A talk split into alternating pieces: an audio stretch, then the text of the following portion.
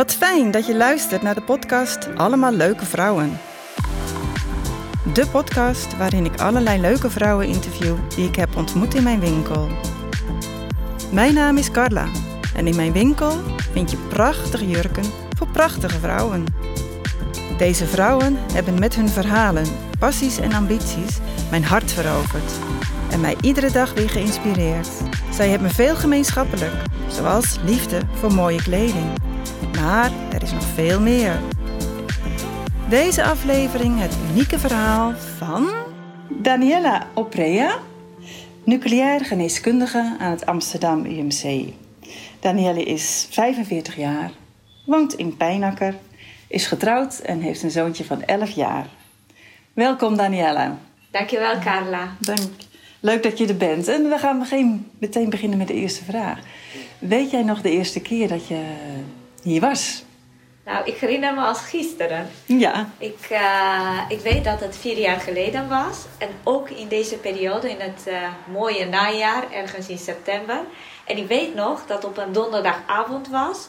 En toen had ik eigenlijk een uitnodiging. Een collega van ons ging met pensioen en had eigenlijk een uh, receptie georganiseerd iets verder weg van jouw winkel. Mhm. Maar zoals altijd was ik vrij op tijd. Ik had nog een half uurtje. eh, en ik dacht van, eh, ja, dan loop ik wat langzaam en dan ga ik gewoon nog even kijken naar de mooie winkels die op de middenweg eh, liggen. Ja.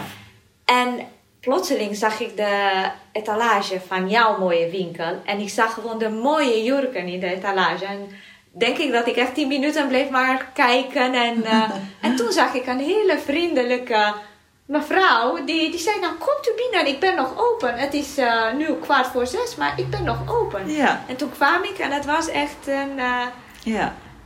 fantastische ervaring om jouw winkel te zien. En wat mij echt eh, opviel, was dat alle mooie jurken waren per kleurcategorie ehm, geëxponeerd. En ja, dat was voor mij echt Ja. gelijk, eh, wauw, ja. wat mooi. Weet je nog wat je kocht toen ook? Weet je dat nog? Ik weet nog, ik eh kocht toen eh, twee jurkjes, niet één, maar twee jurkjes, die heel mooi ingepakt waren. Dat ik weet nog dat ik bij de receptie moest nog even laten zien. van, wat ik die daar, zo. Ja, ja, ja. daar gekocht. Ja, ja, ja. En volgens mij was het ook een jurkje van Diva. Ook een Diva, mooi- dat was mijn grote ja, aanwinst, zou ik Ja, zeggen. ja. Vooral omdat ik eh, een maand later ging naar een congres. En ik moet zeggen, met die diva heb ik toch eh, op het congres wat mooie indruk eh, van gemaakt. ja. Dat geloof ik graag. Ja, want dat stond je prachtig. Prachtig. Ja. En ik heb het nog steeds en is nog steeds een pièce de résistance in mijn garderobe. Maar ja, ja, leuk. leuk. zo was het. Op een donderdagavond, vier jaar geleden. Ja, hè? het was ook een donderdagavond. Ja, Ja. toevallig. Nu is het ook donderdagavond. Ja.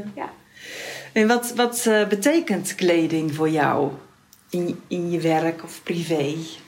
Nou, ik, ik moet zeggen, eh, mijn moeder werkte in een winkel. Dus ik ben eigenlijk Mm. opgegroeid in een winkel, in een grote winkel, zoals Bijenkorf. Ja, Mijn, mijn moeder werkte gewoon bij personeel en organisatie als economiste. ja, Maar ja, het was, niks was leuker dan mijn moeder bezoeken en gewoon de tijd hebben om alle mooie eh, kleding en alle mooie eh, dingen die geëxponeerd worden in zo'n winkel te bewonderen. Mm. Dus ik denk dat ehm, ja, mijn, eh, mijn carrière wat dat betreft is ergens op drie, vier jaar. Jong, Want jong. ik weet nog dat ik de, op de rode loper liep.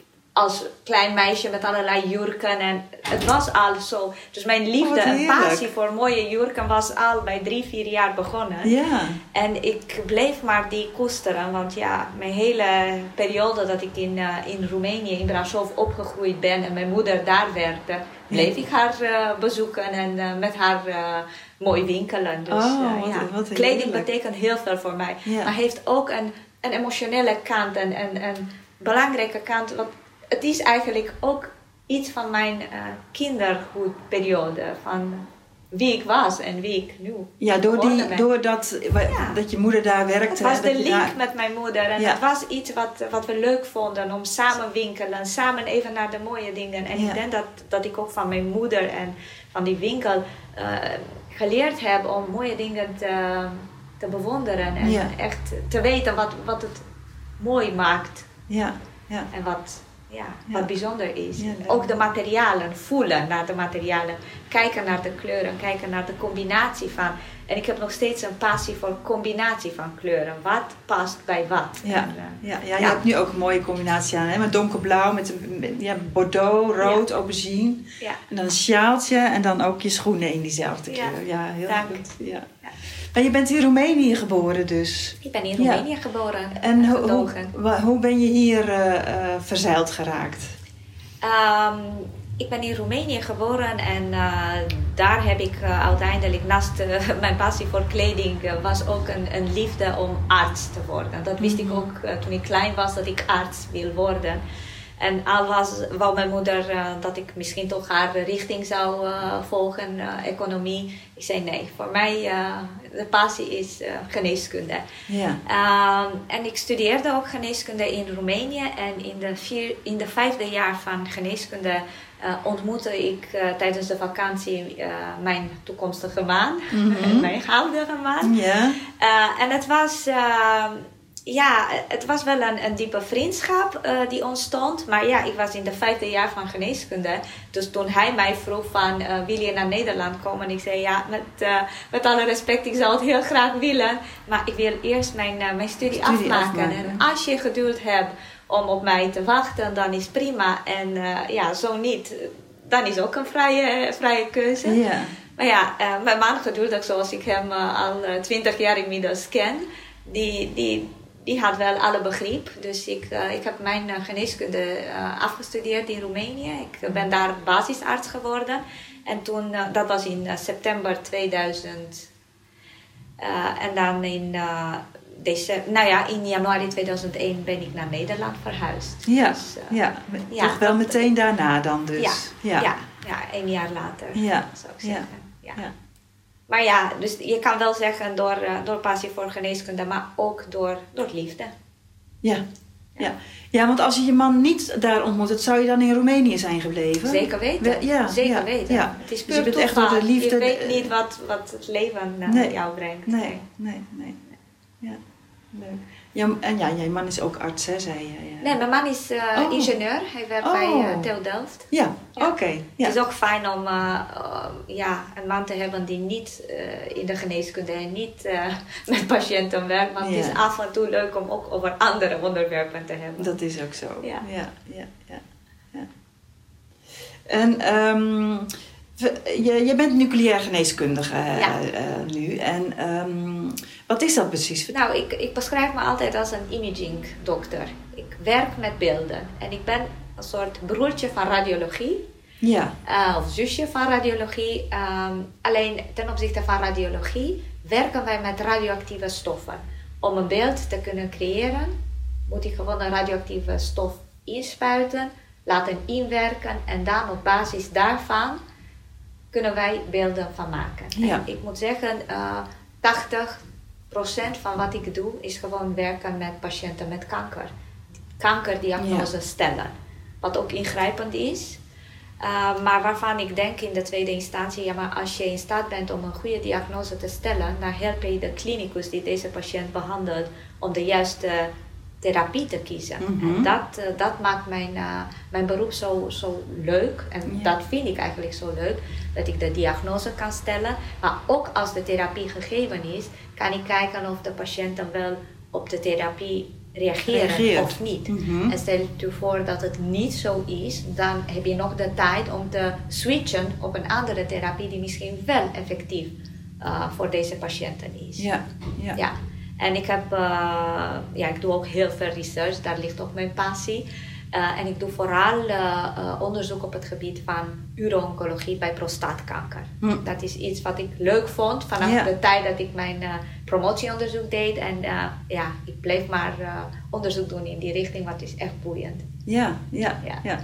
ja. dan moet je denk ik echt eh, eh, in het vak gespecialiseerd zijn en dat je daar heel erg door geïnteresseerd kan raken en denkt van oh, dit vind ik interessant, ik wil nog meer weten. Absoluut. Ja. Voor een wereld open. Ja, ja, ja. ja, ja. Een van de grote verschillen met radiologie is, is dat wij ehm, ja, de patiënten zien, spreken, uh, anamnese opnemen. Want jij wil zoveel mogelijk over de ziekte begrijpen.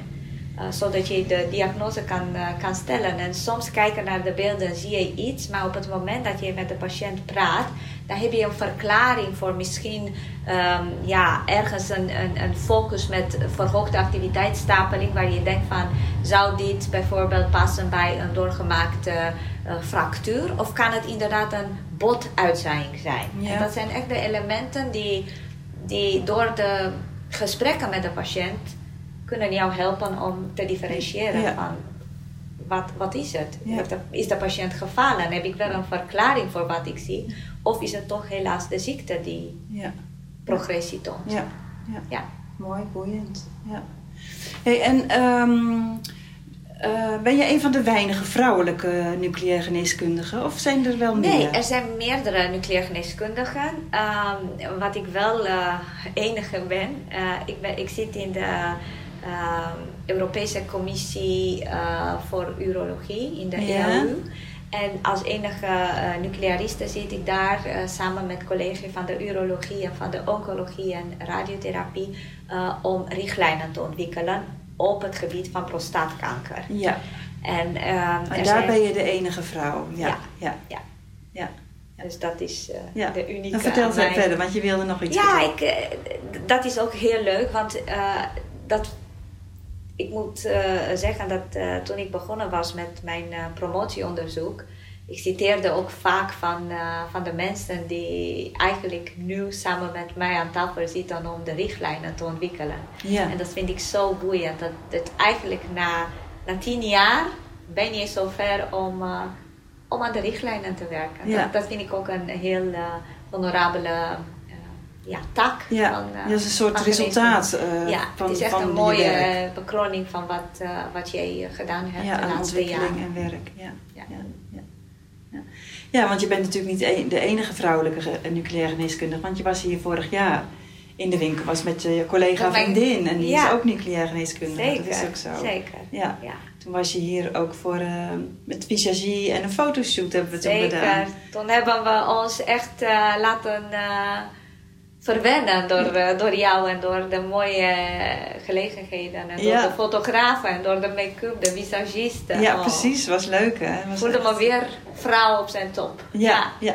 ja, want dat is ook een vraag die ik vaak stel. Wanneer voel jij je op een top vrouwelijk?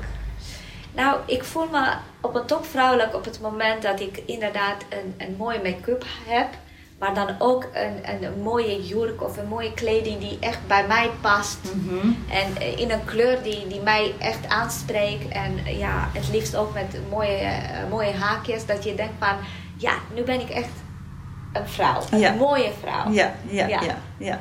ja. nou dat, volgens mij voel jij je dan iedere dag op het top vrouwelijk? Want zo zie je er volgens mij iedere dag uit. Mooi opgemaakt met een mooie jurk in een goede kleur. Dank je Klopt dat? Je bent te lief. Toch? Ik, ik doe mijn best. Ja, hè? Dat maar zo zeggen. Ja, ik doe mijn best. En maar op je werk heb je, heb je een witte jas aan? Heb ik wel een witte jas aan. Maar ik zorg altijd dat ik wel een, een mooie schoen en panties heb. En uh, ik zou het bijvoorbeeld nooit met, uh, met blue jeans nee. gaan. Nee. Ik, ik weet dat, ja heel veel uh, collega's met, uh, met blue jeans zijn. En ja, het is absoluut geen uh, verboden iets. Maar nee. ik denk ook dat bij arts zijn hoort een bepaalde dresscode. Ja. En ik denk juist omdat je met patiënten praat en juist omdat jij een, een visitekaart van een ziekenhuis bent, ja. dat, dat jij ook zo uit moet zien als een professional. Niet alleen maar voor wat je weet en voor wat ja, jouw cognitieve vermogen zijn, maar ook hoe, hoe jij uitstraalt. Inderdaad. En dat, dat is voor mij ook eigenlijk belangrijk, ook op mijn werkplek. Al heb ik inderdaad een witte jas, maar ja. Het heeft misschien ook wel te maken met inderdaad niet alleen uitstraling, maar ook zorg voor de, voor de patiënt. Dat je zorg aan jezelf besteedt en dat laat zien aan de patiënt. Dat Precies. je ja, het, het is niet mijn primaire bedoeling, maar ik denk dat indirect is dat ook een signaal naar de patiënt. Want als de patiënt een, uh, ja, een verzorgde dokter ziet, dan, ja. dan heeft toch een andere... Uh... Ja, en het is ook dat je, dat je aandacht besteedt aan de ander, vind ik ja. altijd. Als je, ja. de, als je er goed uitziet, dat je dan de ander ook uh, daarin tegemoet komt. Of laat zien van, ik vind jou ook belangrijk. Ik, ja ja. Nou, ik, ik moet zeggen, uh, de meeste complimenten die ik van patiënten krijg, of als de patiënten mijn naam niet, uh, niet weten, dan zeggen of de dokter met een accent, maar die mooi gekleed is altijd. Ja. En dat is voor mij wel een mooi compliment. Ja, ja, ja, leuk. Ja, ik denk dat heel veel uh, van mijn collega's echt mooi uitzien en elegant zijn. En ja. ik denk dat wij vrouwen juist dat moeten blijven doen. Ja, precies. Ja. Daar heb ik deze winkel ook voor Zeker. destijds En ik ben onder de indruk, want na de fotoshoot die ik uh, deed bij de ja, laatste keer, ja. kreeg ik heel veel positieve reacties, maar ook van collega's die ik niet wist dat ook klanten van, uh, van oh, Carla zijn. in de nieuwsbrief ja, toen. Ja, collega's van, uh, van chirurgie en ook uh, van de dienstcommunicatie. Oh. Die zei van, ja, ik heb jou gezien. En het is ook zo oh, leuk, leuk, om te zien hoeveel mensen eigenlijk jou mijn uh, nieuwsbrief. Ja, en, en, klant zijn en mijn nieuwsbrief krijgen. Ja. Oh, wat leuk, dat had ik nog niet Ik volgde gehoord. net een, uh, een cursus. Ik ben nog steeds bezig met een impact cursus. Hoe maak je impact met jouw onderzoek, met jouw werk? En het was heel leuk om te zien dat een van de begeleidsters daar die vertelde me van, ik heb jou wel gezien. Ik wist niet dat je ook bij Carla winkelt. Oh, wat en, leuk. Ja, dan, ja, ja, dan ja. is ook zo'n leuke... Ja, ja. Uh, dan is het ook op de een of andere manier toch ook weer een klein wereldje dan. Hè? Absoluut. Dat je elkaar Absoluut. dan toch op dezelfde plek komt. Ja, leuk. Amsterdam is toch kennelijk niet zo groot. Nee, nee, nee. nee het een klein, klein, klein stad is het eigenlijk. Maar prachtig. ja. Hey, en wat, wat betekent je werk uh, voor, je? Hoe belangrijk is je werk voor je? Ja, ik durf bijna te zeggen dat, uh, dat mijn, mijn werk is ja, mijn, mijn passie en mijn liefde. Mhm. En ja, de draaiende motor in, in mijn leven. Ik, ik leef om te werken. Het klinkt heel naar en misschien raar voor sommige mensen. Maar ik krijg zoveel energie en zoveel voldoening van, van mijn beroep en van wat ik doe. Mhm. Dat ik kan me niet voorstellen dat ik uh, iets anders zou kunnen of zou willen doen. Ja. Ik, uh, ik moet zeggen, ik ben 45, maar ik denk van... Oh, en als ik met pensioen zou moeten, wat, wat heb ik dan? Ja. Want als je mij zou vragen, wat zijn mijn hobby's? Ik zeg nog steeds, mijn hobby is nog steeds mijn werk. Ja. Ja. In welke vorm dan ook, dat ik met patiënten werk of dat ik onderzoek doe of dat ik uh, presentaties voor congressen uh, voorbereid of dat ik presentaties haal, dan is ook een manier van werken. Maar dat is mijn hobby. Hobby. Dus als ik aan jou vraag, heb je ook hobby's? Uh, nee, niet buiten deze. Nee, echt niet. En nee. eerlijk gezegd, al zou ik willen, ik heb de tijd niet meer voor. Nee, Het is echt een fulltime job. Ja. Met, uh, ja, met heel veel avonduren en weekenden die ingestoken worden in, in mooie dingen, maar wel uh, tijdrovend. Wel hard, en hard werken. Maar uh, hoe hou je dan een beetje, want je, hebt, je bent getrouwd, je hebt een zoontje. Hoe, hoe doe je dat met die balans werk en privé? Um, nou, op de dag dat ik een werkbalans zou vinden, dan zou ik heel blij zijn. Die, die balans heb ik nog niet gevonden. Nee. En ik begin steeds langzamer mijn hoop op te geven dat die ooit komt. Um, als ik heel eerlijk ben, ik denk dat het balans is ongeveer 70% werken en 30% uh, dedication aan familie. Um, iets wat, ik moet zeggen, op dit moment acceptabel is. Dus Mhm. mijn zoon kent niet anders. Als ik een dag thuis ben, dan zegt hij, ben je ziek? Wat, wat doe je thuis? Ja, ja, ja. Dus dan weet ik uh, ja, dat, dat gewend hij ook. aan gewend is, eigenlijk. Ja. Ja. Um, ja, het, er zijn ook natuurlijk momenten dat je wat meer uh, wil met, uh, met jouw uh, ja, familie zijn, maar soms kan het niet anders. Hm. Maar zolang wij samen zijn op het moment dat een weekend is of dat, dat leuke dingen kunnen organiseren, dan is het nog intenser samenleven. Ja, en, ja. ja, dan ja, want je vertelde dat je dit weekend naar Limburg was geweest Ja. met je man jarig Mijn man was. was jarig en we zijn gewoon een weekendje weg. En Ja. Dan merk je ook inderdaad hoe belangrijk is dat, dat je dat soort momenten uh, hebt om even met zijn drieën te zijn, even van elkaar te genieten. ja, precies. Dat is ook onwijs leuk en daar krijg je ook energie van. Ja. Ja. Ja. Je hebt dus ook altijd fulltime gewerkt, denk ik. Ik heb altijd fulltime gewerkt, maar ik heb tien jaar als parttimer. Dus ik Als parttimer fulltime gewerkt. Ja, het klinkt heel, uh, heel naar, maar het heeft me Ja. tien jaar gekost om te beseffen dat ik eigenlijk uh, ja, alle vijf dagen uh, aan het werken, want ik was gewoon met promotieonderzoek bezig. En daar had ik wel een dag per week uh, research. Dus onderzoek, wetenschap. Ehm, en vrijdag was mijn, eh, mijn vrije dag. Maar ja, vrijdag, zaterdag en zondag waren drie andere volle dagen om te besteden aan research doen, aan onderzoek doen. Mm. Want uh, ja, onderzoek kan je niet alleen maar met één dag per week blijven doen. Want dan kom je nergens naartoe. Dat schiet niet op. Dat schiet niet op. En zeker als je passie en interesse hebt om iets te bereiken, ja, dan moet je vlotter zijn. Dan moet je gewoon sneller en goed werken doen. Dus ik heb dat, uh, nou ja, natuurlijk heeft mijn PhD niet uh, tien jaar gewerkt, maar ook nadat ik klaar met mijn promotieonderzoek uh, was, dan bleef ik in dezelfde ritme, gewoon vrijdag, zaterdag, zondag en. Werken, maar je had een aanstelling van vier dagen. Maar ik had een aanstelling van vier dagen. En het moment om te beseffen dat het eigenlijk, ja, zo kan het niet meer, was toen ik op een vrijdagavond een dag dat ik echt de tijd had om, om andere dingen te doen, maar niet aan patiënten en niet aan research gerelateerd. Dat ik tegen mijn man zei, oh, maar dat heb ik dit en niet gedaan en dat niet gedaan. En ik voel me zo schuldig. Kijk, dit en dit is overgebleven en dat. En toen zei hij, maar sorry dat ik zeg, maar volgens mij was toch jouw vrije vrijdag. Ik snap niet waarom je dan zo erg vindt voor, voor de dingen die gerelateerd zijn aan jouw... Uh, vrije vrijdag. vrije vrijdag. Ja. En toen besefte ik dat hij eigenlijk gelijk had. En dat ik eigenlijk al die tien jaar precies dezelfde doe. En dat ik eigenlijk niet stop. En dan ga ik alleen maar nog naar zaterdag en naar zondag. Omdat jij probeert alles in balans. En toen heb ik toch wel uh, besloten om uh, fulltime uh, te, te werken. Ja. En ik ben heel blij met de keuze. En ik ben ook heel blij met de begrip van mijn, van mijn baas. Die, ja. die ja, geaccepteerd had. En dus echt alle lof voor, uh, voor de mensen die begrip hebben en die, die weten hoe, hoe hard het is om uh, alles in balans te houden. Ja. En, Ze zeiden niet van, uh, daar had je wel eerder want, mee kunnen komen, Danielle. Want ze zien natuurlijk wel dat je gewoon veel meer uren maakt dan alleen die vier dagen.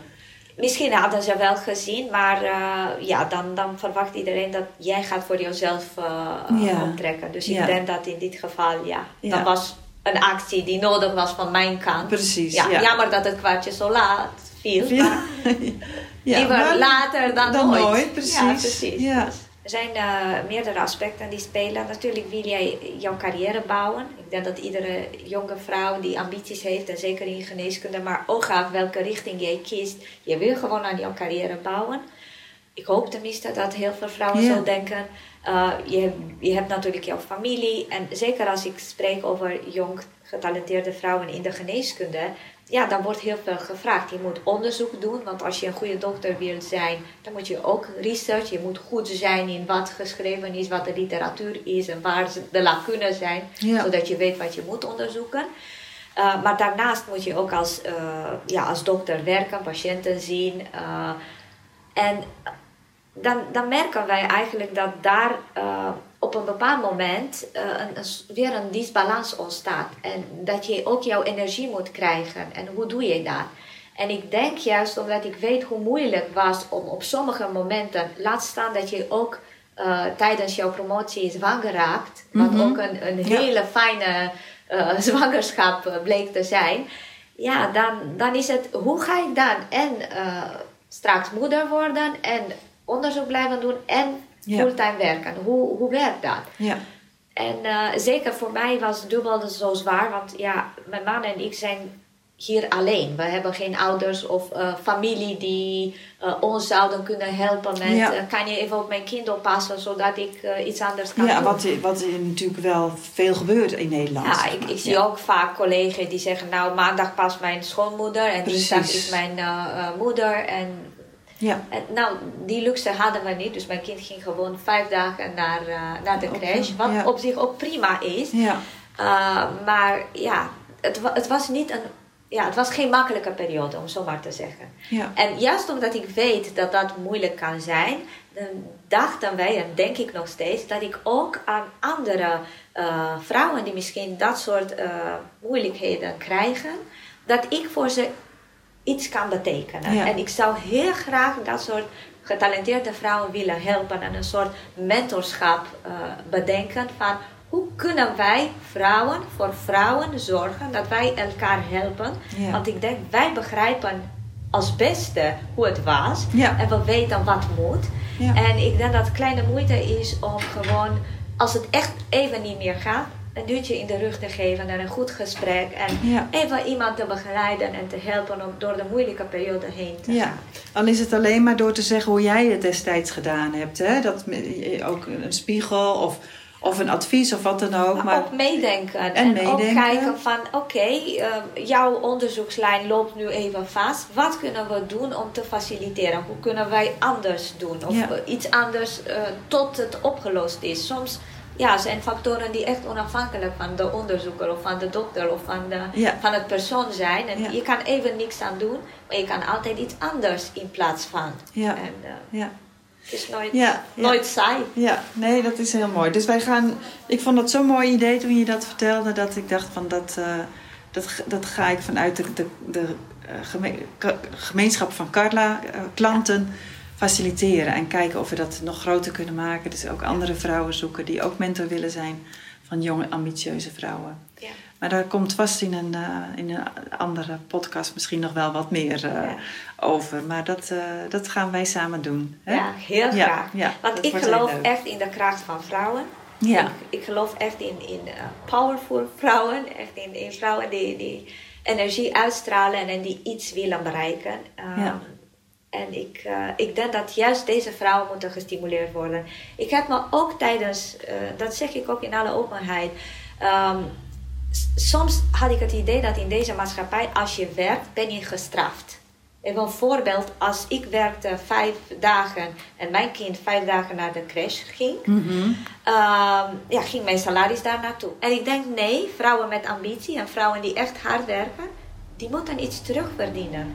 Al is het onze ja, respect en admiratie, Ja. dan, dan is het meer Ja. dan voldoende. Ja, nee, in Nederland is dat toch best, best een, een rare situatie. Dat, dat je ook als, als fulltime werkende vrouw, dan ben je vaak hè, geen goede moeder. Ja, En als je, je th- het alleen thuis zit, dan is het ook niet goed. Want dan heb je geen gebruik gemaakt van je opleiding. Of, ja, het, is, het is heel ingewikkeld. Er is een hele, vorig jaar een hele leuke documentaire door Lisbeth Staats gemaakt over. Die heet geloof ik zelfs Waarom werken vrouwen niet? ja.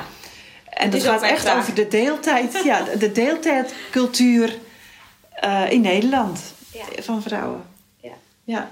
Waarom Dus- zijn alle, bijna alle vrouwen eh, eh, thuis op woensdag? Dat is voor mij ook Ja, een, eh, een ja, vraag. dat is ik kom uit een- een andere cultuur, maar Ja. het was echt Het is heel cultureel bepaald. Het is bijna alleen in Nederland eh, zo. Is, is, is ook in die documentaire. Sterker nog, ik was de enige bewoner van Pijnakker die gevraagd had ooit om een kind op een woensdag naar de crash te brengen. Ja, hij was helemaal alleen, nooit zeker. één iemand. En mijn kind was alleen. Ah, ja, mijn echt. kind was op woensdag zeker tot 12 uur alleen. Vanaf Ja. 12 uur kwamen ook andere kinderen. Ja, Maar hij, hij was bijna, had bijna een privé eh, Ja, crash. Want ja. hij was alleen met één op één met een begeleider. ja, ja. Nou ja, en een van de oorzaken is, eh, wat ook in die documentaire dan gezegd wordt, is dat wij dus ge- geen goede kinderopvang hebben. En in ieder geval dure kinderopvang.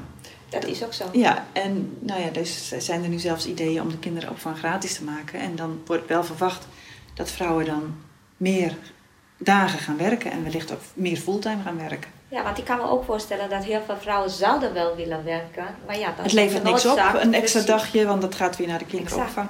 En dat, eh, dat Dat stimulus inderdaad... ontbreekt. Ja, we gaan ehm, verder naar de vragen, maar ik weet niet ehm, of jij daar tijd voor hebt. Hè? Want ik heb dus in een rubriek in deze podcast je favoriete film, je favoriete boek en je favoriete restaurant. Maar ehm, ja, wat wordt dat? Oh, nou, eh, boeken heb ik toch gelukkig maar eh, tijd om, eh, om te lezen. Ja, oh, ik maak wel tijd Ja. voor dit. Ik, Ja. ik bedoel, ja, blijven lezen is ook een, een manier, en mijn manier om te ontspannen. En Ja, ik, ik hoef niet de allermoeilijkste filosofische boeken te lezen. nee.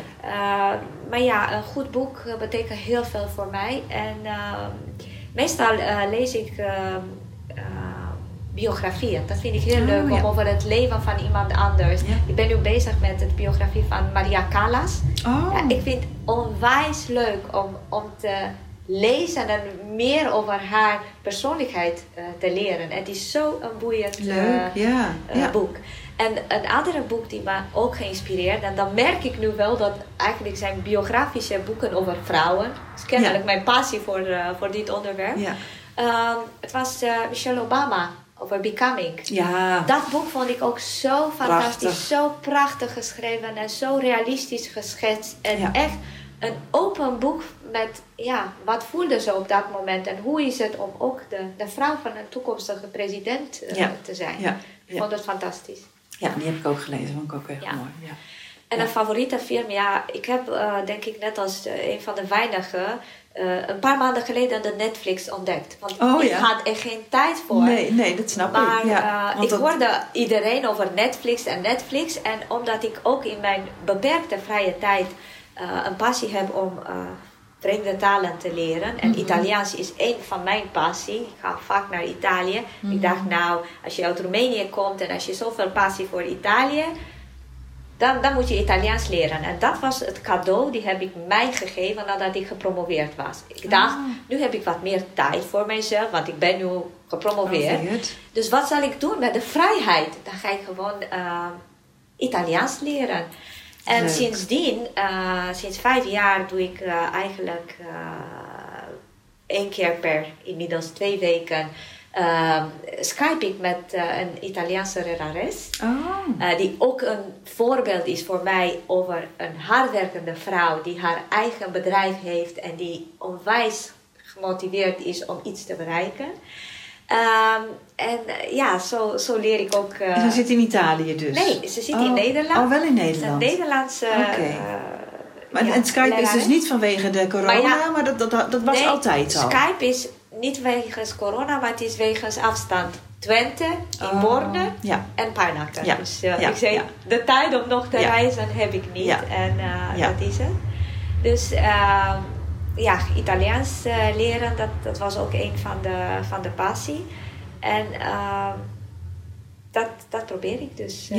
ja, ja. Ja. En, ja, Netflix, Netflix, en de Italiaanse lerares die, die vertelde mij van ja, als je nog meer wilt, je kan ook filmen in het Italiaans. Italiaans films, ja. En toen heeft ze me echt uh, geadviseerd om een mooie film met uh, Sofia Loren op haar oude leeftijd nu uh, te zien. Mm -hmm. Het was echt een indrukwekkende film. Mm -hmm.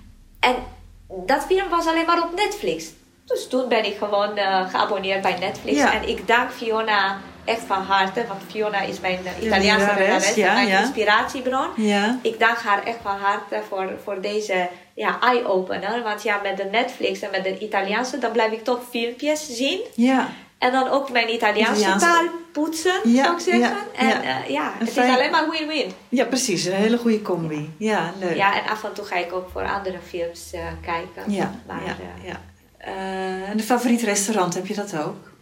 Favoriete restaurant. Uh, ik moet zeggen, ik ben geen, uh, geen grote eter en geen, ik geniet wel van, mm -hmm. van iets lekkers mm -hmm. en zo.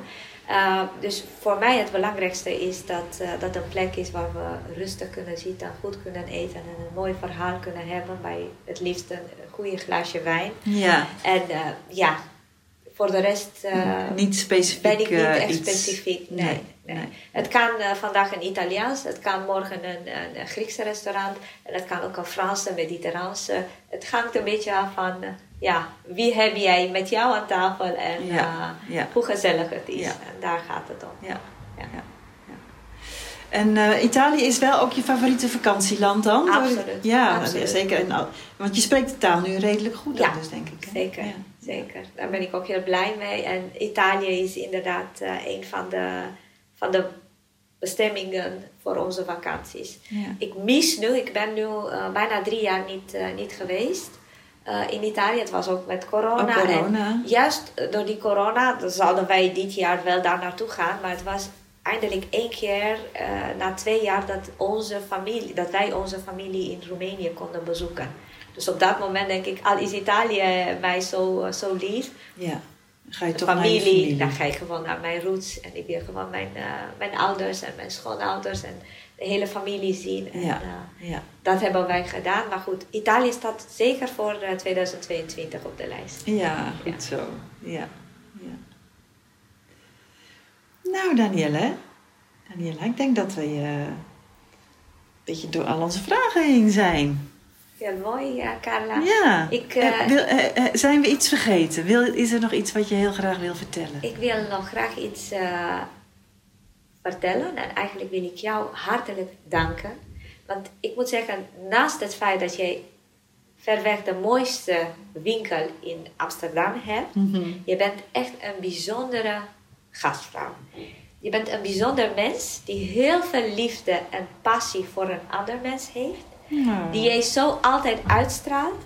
Ik voel me altijd zo welkom bij jou. Er is altijd een, een glasje, een goed gesprek, mooie winkels, mooie, mooie jurken. Hmm. En je hebt altijd, je maakt altijd tijd. En dat was ook vanaf het eerste ontmoeting met jou. Je zei, ja, ik vroeg, wanneer kan ik komen? Tot hoe laat ben je open? Je zei, ja, in principe tot zes uur. En toen dacht ik, ja, maar zes uur ga ik nooit redden om het ziekenhuis te verlaten. En toen zei je, maar ik kan ook persoonlijk met jou in de avond afspreken. Ja. Nou, die persoonlijke touch, dat maakt jou zo bijzonder. Dus Ja. bij deze wil ik jou echt hartelijk danken. Nou, heel lief van je. Dank je wel. Je verdient het echt. Graag gedaan. Dank je wel, dank je wel. Dankjewel voor het luisteren. Ik hoop dat deze podcast je inspireert en dat je een band voelt met deze vrouwen. Ben jij al klant of wil je klant worden? Je bent van harte welkom in mijn winkel aan de Middenweg 34 in Amsterdam. Of ga eerst naar mijn website www.carlavoorvrouwelijkemode.nl Tot de volgende keer!